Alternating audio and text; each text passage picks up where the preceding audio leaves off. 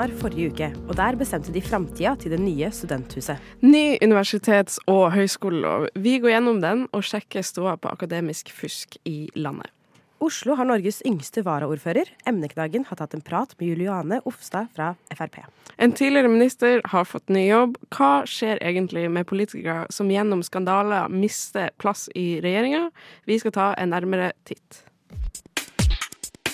Vi må innom det aller helligste temaet blant studenter. Det er jo studiestøtte. Studiestøtte. Har du ikke hørt det? Det aller helligste temaet blant studenter. Studentnyhetene hver fredag fra 11 til 12 på Radio Nova. Hei og velkommen til Studentnyhetene, og riktig god fredag. Det er fredag i dag, ikke sant? Ja. Slutten på uka. Mitt navn er Ingrid Karline Karlsen, og med meg i studio så har jeg min kjære, vakre, nydelige Du får lov å si navnet ditt sjøl. Ada Helen Ingebrigtsen. Yay! Og vi skal lose dere gjennom eh, Studentnyhetene i dag. Eh, vi har flere spennende saker til deg, så det er bare å følge med. Eh, har du en bra fredag? Ja. Ja. Fin fredag. Litt kaldt, men ellers, ellers Det er, det er veldig kaldt i dag kaldt, i hovedstaden. Ja, Det ser ikke kaldt ut, men det er kaldt. Ja, jeg måtte ta fram skjerfet. Eh, Ja. så det er en nordlending som tar fra skjerfet, da vet du at det er kaldt, ikke sant? Ja. Eh, vi skal kanskje komme oss litt videre i sendinga.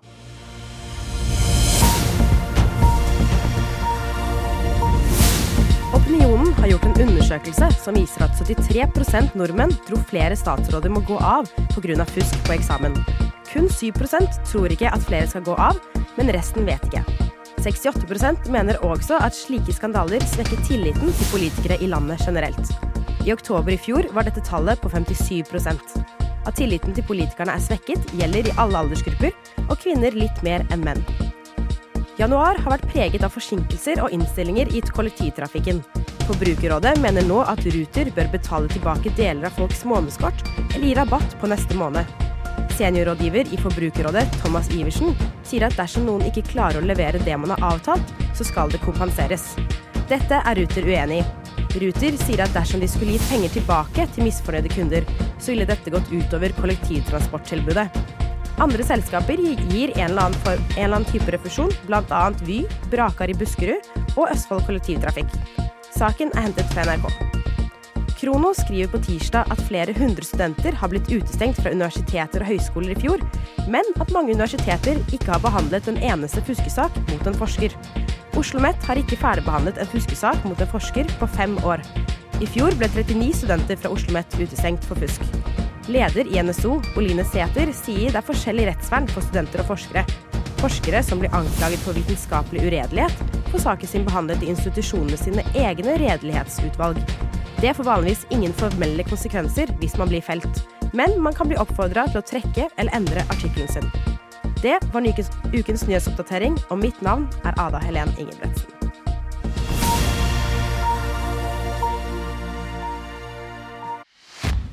Samordna opptak. Det er om rettssikkerheten eh, til norske studenter. Akademia Strid. Oslo OsloMet Universitetet i Oslo. Studerer Studentnyhetene. hver fredag fra 11 til 12. Midt i Oslo sentrum er det planlagt å lage et studenthus. Har du hørt om studenthuset i St. Olavs gate? Da lurte jeg på, Har du hørt om det nye studenthuset? Uh, nei. Nei. Da løper jeg rundt her. Har du hørt om det nye studenthuset? Nei. Nei, det har jeg ikke. Mm, hvilket? Eller nei, jeg vet ikke. Ja, jeg har hørt noe om det, men vet ikke hvor det er. Løkka eller noe, var det ikke det? Nei, det har jeg ikke. Nei, det har jeg ikke. Nei. Nei. Nei. Det har jeg ikke. Nei. nei. Fem stemmer for, syv stemmer imot og ingen avholdende. Så forslaget er vedtatt. Forslag to hadde 29 for. I 2021 kjøpte Studentersamfunnet i Oslo en eiendom midt i Oslo sentrum. En gåtur fem minutter unna Nationaltheatret ligger St. Olavs gate 23, og det er dette som skal bli det nye studenthuset i Oslo. Planen har jo hittil vært å ha et eh, studenthus fra kjeller til loft, eh, og det ser vi jo at det har vært vanskelig å få til. Eiendommene er kjøpt for 290 millioner kroner og skulle stå ferdig til høsten 2023, og per dags dato har renoveringa fremdeles ikke starta. Og renoveringa av bygget var estimert til 265 millioner kroner. Undersøkelser har funnet at det har blitt etterspurt eh, flere tverrinstitusjonelle samlingsplasser. Eh, det er jo det som var bakgrunnen for at Velferdstinget begynte å jobbe for eh, nytt sentrum. Carl Magnus Nyeng er leder i Velferdstinget. Og Velferdstinget det er de som fordeler midler til studentorganisasjoner. Og på søndag 4. februar bestemte de framtida til studenthuset i St. Olavs gate.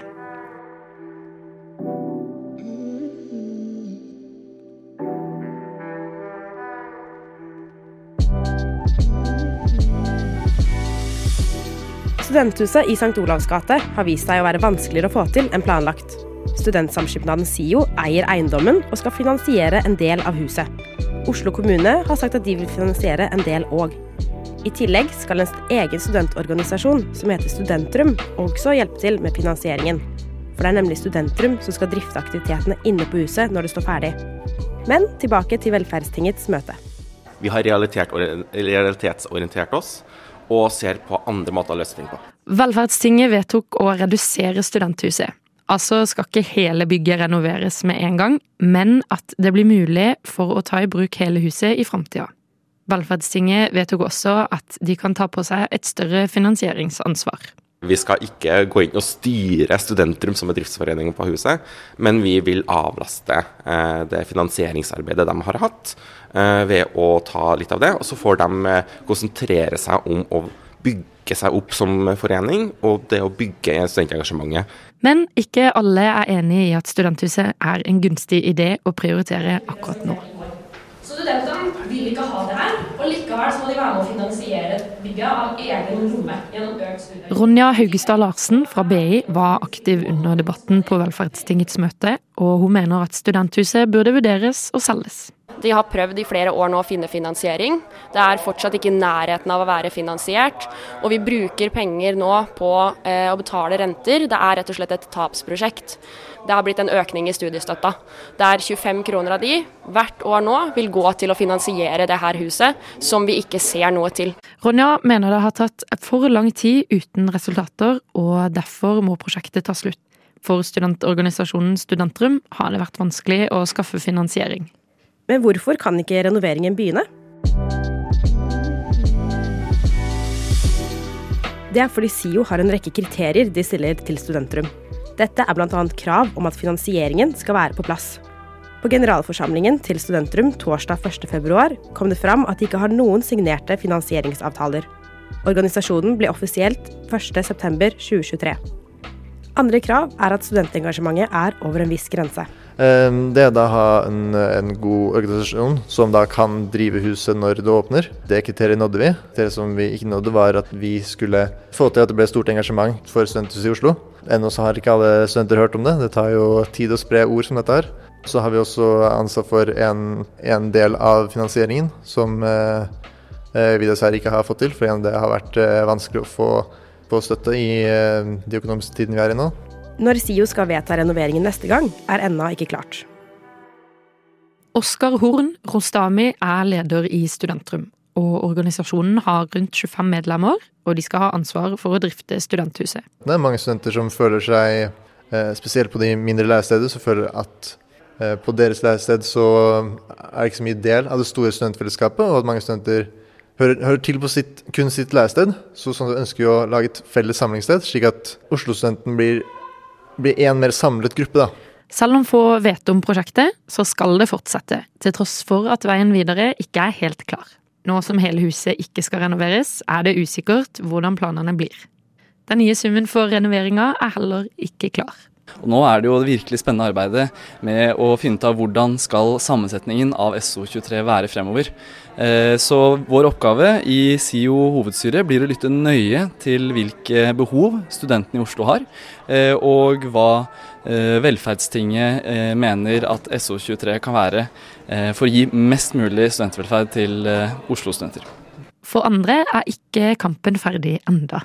Vi kommer jo til å fortsette å kjempe for den saken her. Vi ser jo at Velferdstinget de har ikke innsett enda at det her er et prosjekt som burde avsluttes, men vi kommer til å fortsette å kjempe fra BI ved, gjennom eh, leserinnlegg, gjennom å hente inn meninger fra studenter og fortsette å ta opp det her i Velferdstinget. Eh, og de stemmene som eh, ønsker å eh, avbryte prosjektet, det er legitime stemmer. For de ønsker å komme videre. Jeg håper vi nå med det vedtaket vi har fått, klarer å bevise at det gjør vi. Og det er vårt mål. Studentnyhetene har tatt kontakt med Oslo kommune, men har ikke fått noe svar. Reportere i saken var Anne Martine Justvik og Ada Helen Ingebretsen.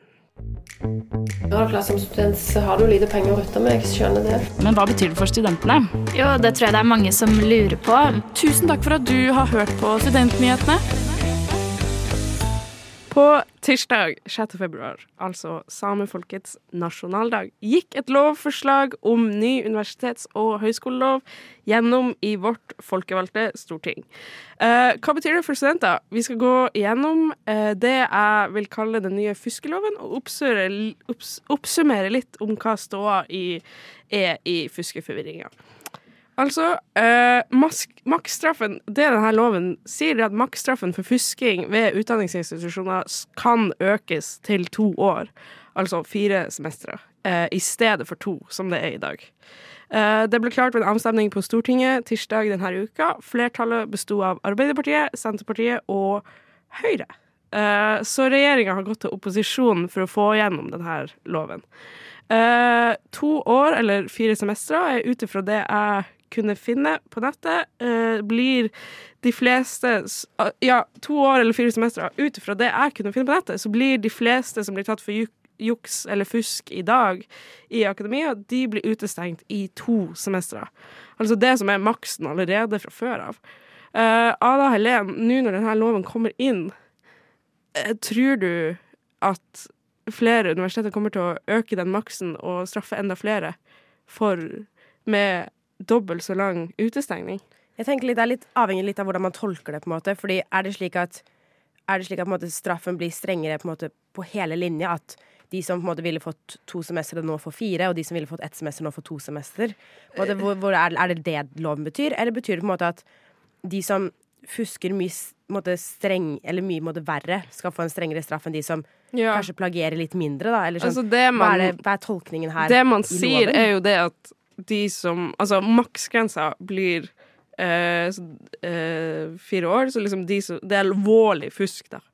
Ja. Det, er jo, det kan jo være hvis, relativt, for så vidt. Ja.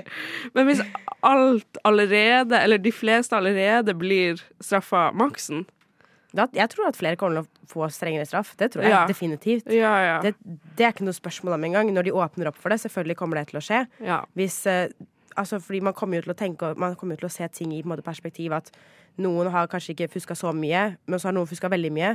Og normalt, sånn som det var før, så ville alle, begge to fått to semestre utestengelse. Yeah. Men nå vil kanskje den ene få tre semestre, da. Ikke sant? Fordi at det var litt mer fusk enn en annen person gjorde. Right, okay. Så ja, sånn tror jeg i hvert fall folk kommer til å tenke det, da. Så når de, når de mm når de sensurerer eller Jeg er bare litt redd for at universitetene bruker det som unnskyldning, og bare eh, går på samme linje som de tidligere har hatt, men bare øker ja. straffen til to år. Ja, sånn, ja. ja det det, jeg er redd for. Ja, det, som student og representant for studentene, liksom. Ja, altså, jeg håper jo at det er liksom noe kanskje litt medmenneskelighet der ute som tenker sånn der Fire, nei, fire semestre er ganske lenge, liksom. Det er det. Det er, det er lenge å være utestengt fra alle akademia i Norge. Sånn ja, du får hele utdanninga di ødelagt, liksom. Ja, og så ja. fortjener man Er det på en måte en straff som egner, passer på en måte til det man har gjort? Liksom, hva, man, ja. man, må legge litt grenser Eller man må sette liksom hva er Hvor mye må til for å få en så streng straff? Det er det på en måte som jeg føler er så uklart her. Ja. For vi veit liksom ikke det. Så det føles helt ut som mm. det er sånn mm. der Oi, hvis jeg hvis Det er det blir, som er problemet liksom, i Ja, hvis jeg blir tenkt, mistenkt for fusk, sånn, da kan jeg kanskje bli utestengt i to år uten at jeg egentlig har kanskje juksa med vilje engang. Ja. Så det jo Det føles veldig sånn Det føles veldig sånn dommedagsprofesi ut noen ganger. du har gode tanker. Um, jeg skal gå litt videre. Etter avstemninga så ba utdanningskomiteen på Stortinget at regjeringa skulle komme tilbake til Stortinget i løpet av våren med et forslag om at studenter som straffes for fusk, kan få klagen sin ferdigbehandla før utestengning. Altså betyr det at hvis eh, altså Per i dag er det ingenting som tilsier at du må få ferdigbehandla klage før du begynner straffen din. Altså, uh, slik det er i dag, kan studenter utestenges fra institusjoner før de har fått muligheten til å få svar på en klage til Felles. Poenget er universiteter og høyskoler kan mistenke deg for fusking på eksamen, gi deg et brev om utestengelse i x eh, tid, altså fire semestre, whatever, eh, og du begynner da den soninga før soninga i gåsetegn, før du har fått muligheten til å forsvare deg, eh, ved å få eh, behandle en klage og et vedtak grunna en mistanke. Så liksom, du begynner straffen din allerede før du har fått lov å forsvare deg. Eh, det trengs ikke å, eh, å bevises at du har fuksa, eh, fuska. Eh, du må bevise din unnskyld. Det er det stikk motsatte av rettsprinsippet. Eh, og anklage for juks er nok. Det som er ståa. Hva tenker du om det? Nei, det er jo Det er jo, jeg føler Hver gang jeg skal skrive eksamen, blir jeg skikkelig stressa. Jeg bare sånn, herregud, jeg må sjekke Jeg må sjekke gjennom alt. Jeg må sjekke gjennom alle kildene mine. Jeg må, jeg må sjekke alle sitatene jeg har brukt, alle, alle tingene jeg har skrevet, på en måte, fordi jeg blir bare stressa av det her. Eh, men jeg tenker også sånn at eh, Jeg er veldig enig i at eh, det skal være mulig å på en måte få behandla klagen sin ferdig. Men samtidig føler jeg sånn, med tanke på hva kritikk som Felles klagenemnd har fått, med at de er veldig strenge, og at det er veldig sjelden at Felles klagenemnd Ja. sier noe annet enn universitetet, Ja. så på en måte har det ikke noe å si i praksis, fordi at du kommer uansett til å få den straffen med den linja Felles klagenemnd har lagt seg på nå. Mm. Fordi de uansett er så strenge og holder seg vanligvis til samme, samme dom, eller dom da, i gåstein, som universitetet allerede har gitt. Ja. Så i praksis så betyr det jo ikke så mye, for du kommer uansett til å få den straffen Mm. hvis Felles klagenemnd er- fortsetter å være like streng som Det, de er. ja, det var litt det jeg også ville inn på etterpå. Fordi at uh, jeg kom med eksempel Du blir anklaga for juks på Oslo OsloMet for å fuske på eksamen din, Adalén. Uh, du får annullert eksamen og får vedtak om utestengelse i to år fordi Storbyuniversitetet mener at du har fuska grovt. Hva gjør du? At, jeg jeg veit faktisk ikke hva det har gjort. Men uh, altså, hvis jeg ikke hadde, må- ja. jeg ikke hadde juksa, så hadde jeg jo klagd. Jeg hadde, jo ikke annet- hatt noe annet valg enn å klage. Ja.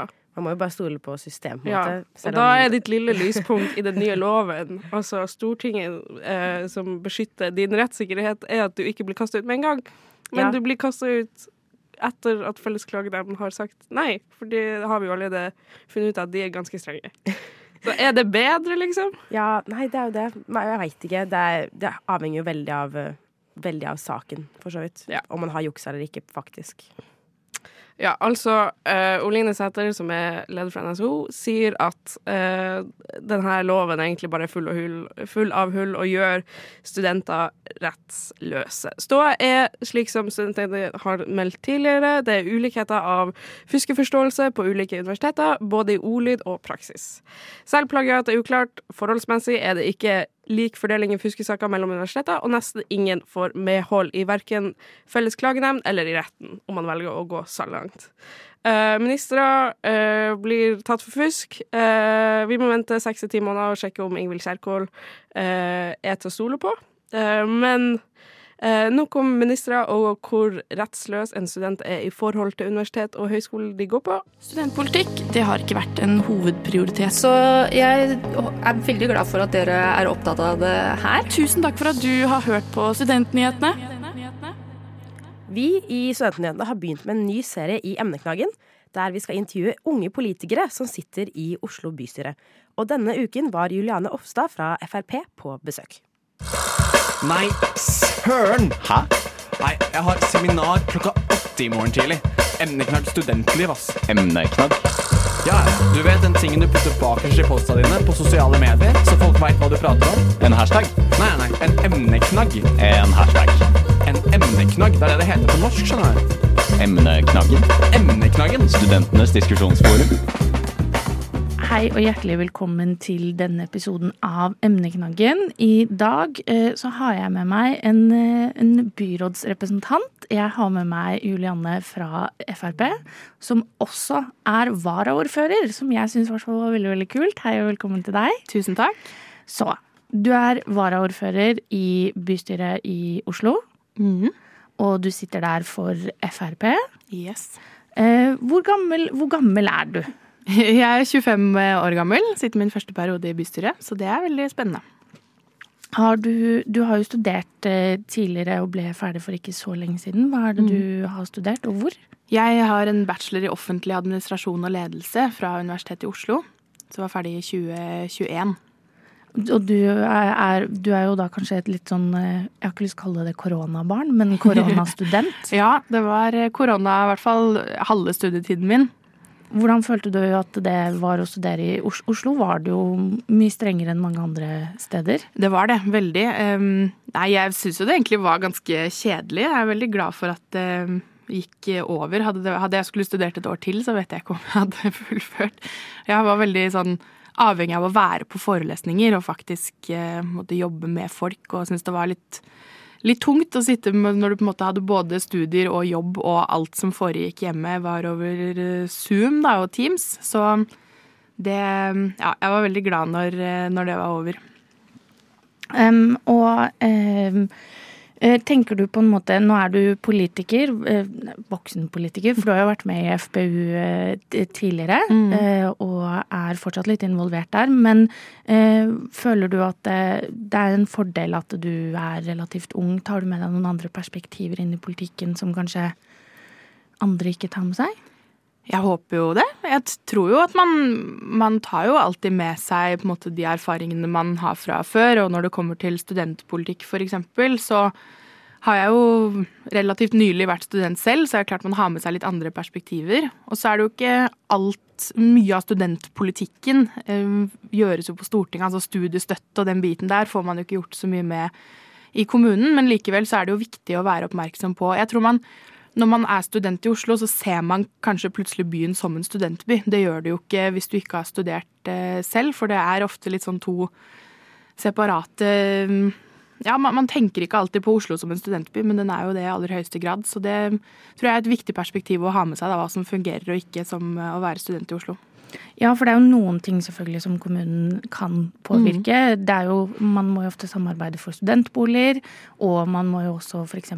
kollektivtilbudet og mm. den type ting. Det er jo også noe kommunen gjør, men jeg forstår hva du mener med at det er på en måte to, eh, to forskjellige eh, sektorer faktorer der, rett og slett. Ja, jeg tror man ofte, når man tenker på studentpolitikk, så tenker man jo ofte på den biten med studiestøtte og den biten der. Men, men, det som kanskje, og det er selvfølgelig veldig viktig, men det er jo kommunen som kanskje har ansvar for det som du sier som er aller sånn nærest og viktigst i hverdagen. da, Kollektivtilbud og bolig og, og den biten. Så det er absolutt veldig mye kommunen kan gjøre. Det er bare at da er det ikke alltid tiltak som bare er retta mot studenter. Det er ofte flere som får fordeler av at man f.eks. utbedrer kollektivtilbudet. da.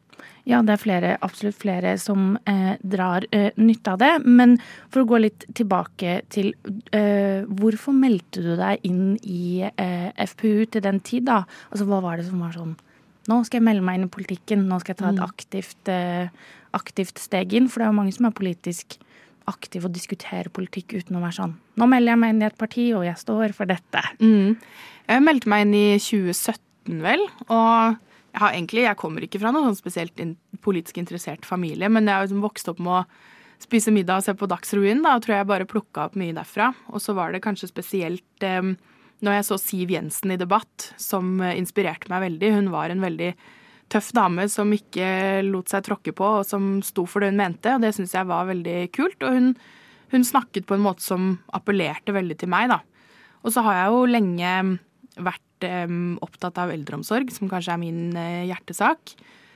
Og det var egentlig bare Frp som jeg opplevde faktisk prioriterte eldreomsorg. Da. Alle er jo, I valgkamp så er jo alle enige om at det er viktig, men det var for meg bare Fremskrittspartiet som hadde troverdighet på å faktisk gjøre noe når man sitter i en posisjon der man har mulighet til å være med å påvirke. Og det inspirerte meg veldig. Takk til Juliane. Reporter i denne saken var Sigrun Tårne, og på teknikk Madeleine Dolati. Du lytter til Studentnyhetene på Radio Nova. Nå er ikke jeg så opptatt av å sammenligne meg med Ola Borten Moe. Jeg mener han har gjort en god jobb på feltet.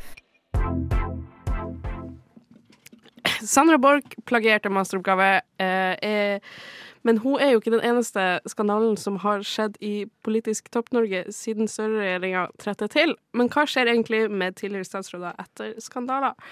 TV 2 meldte onsdag at tidligere kunnskaps- og høyere utdanningsminister har fått ny jobb. Sandra Borch, som trakk seg i januar etter at det ble sendt at hun plagierte andres tekst i sin masteroppgave, hæ? Har du ikke fått det med deg? Følg med, da. Nettopp her på Studentnyhetene, for det har vi snakka om masse. Eh, og hvis du vil ha studenters perspektiv på at studentenes minister, Borch, måtte gå av, så må du høre på vår podkast. Uansett, vår alles kjære Sandra Borch har fått ny rolle på tinget denne uka. I eh, stedet for å være minister for høyere utdanning, som hun ikke kunne etter å ha plagiert i sin jusmaster, har hun fått nytt verv i justiskomiteen på Stortinget. For selv om hun kanskje ikke lenger er vår minister, er hun fortsatt folkevalgt, og nå i justiskomiteen på Stortinget. Tenkte vi kunne dele litt tanker om det. Hva tenker du, Anna-Len? Nei, altså, jeg tenker jo at det er jo selvfølgelig de er jo folkevalgte, og de må jo fullføre, fullføre vervet sitt. Mm. Så det må, skulle egentlig bare mangle, for så vidt, at de gjør det. Eh, selv om eh, tilliten kanskje ikke er helt på topp.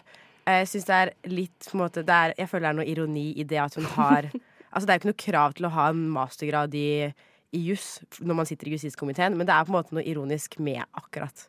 Akkurat det, Bare timingen på hele greia gjør det litt morsomt sånn. Ja, at den Underholdende, på en måte. Men jeg vet ikke om oppgaven hennes faktisk har blitt annullert. Nei, den har jo ikke det, antakeligvis, men det kommer mest sannsynlig til å bli det. Ja, ja. det.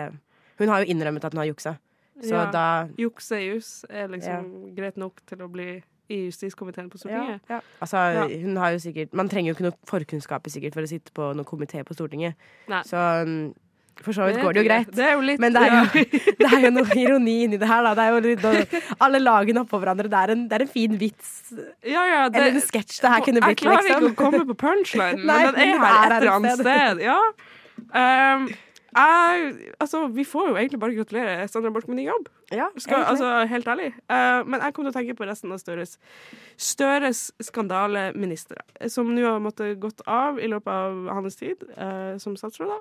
Her kommer mitt, min lille pratequiz, som jeg har valgt å kalle Er de fortsatt, og i så fall, hva gjør de på tinget? Med stor T, fordi at det er på Stortinget. Den kommer jeg på nå.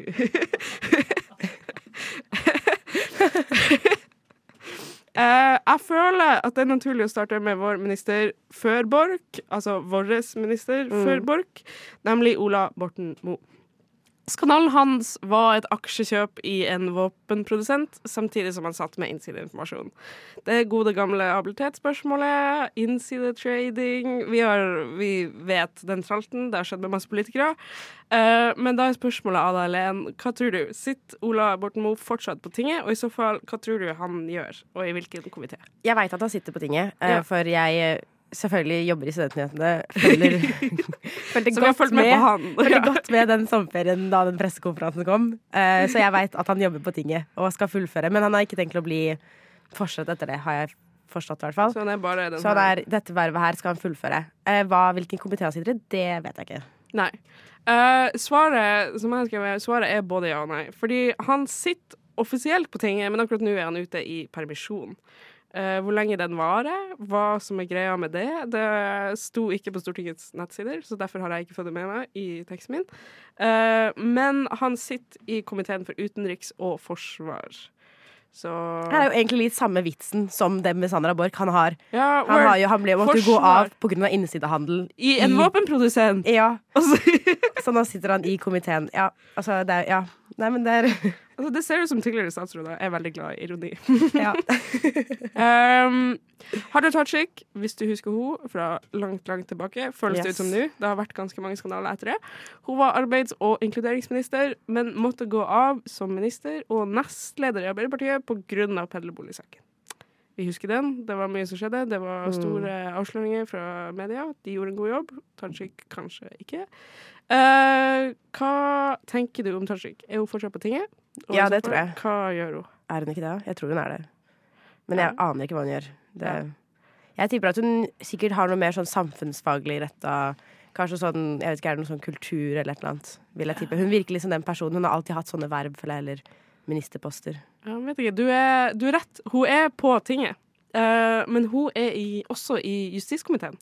ja. For uh, Borch blir hennes nye kollega. Uh, så da blir Tajik og Borch eh, to eks-statsråder som eh, får jobbe sammen med jusen.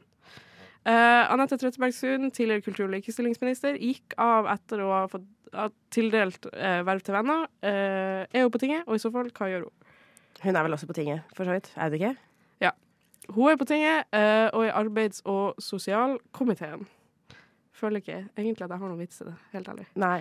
Eh, Det er fint det. Det går bra, det òg. Det er fint at de ikke, ikke Um, vi kunne tatt flere, um, men jeg har lyst, bare sånn kort, uh, å poengtere uh, Odd Råner Enoksen, som gikk av etter at det ble kjent at hun Han uh, uh, hadde et forhold til en 18 år gammel kvinne mens han var gift. Uh, grooming, maktsjefhet, klassisk metoo.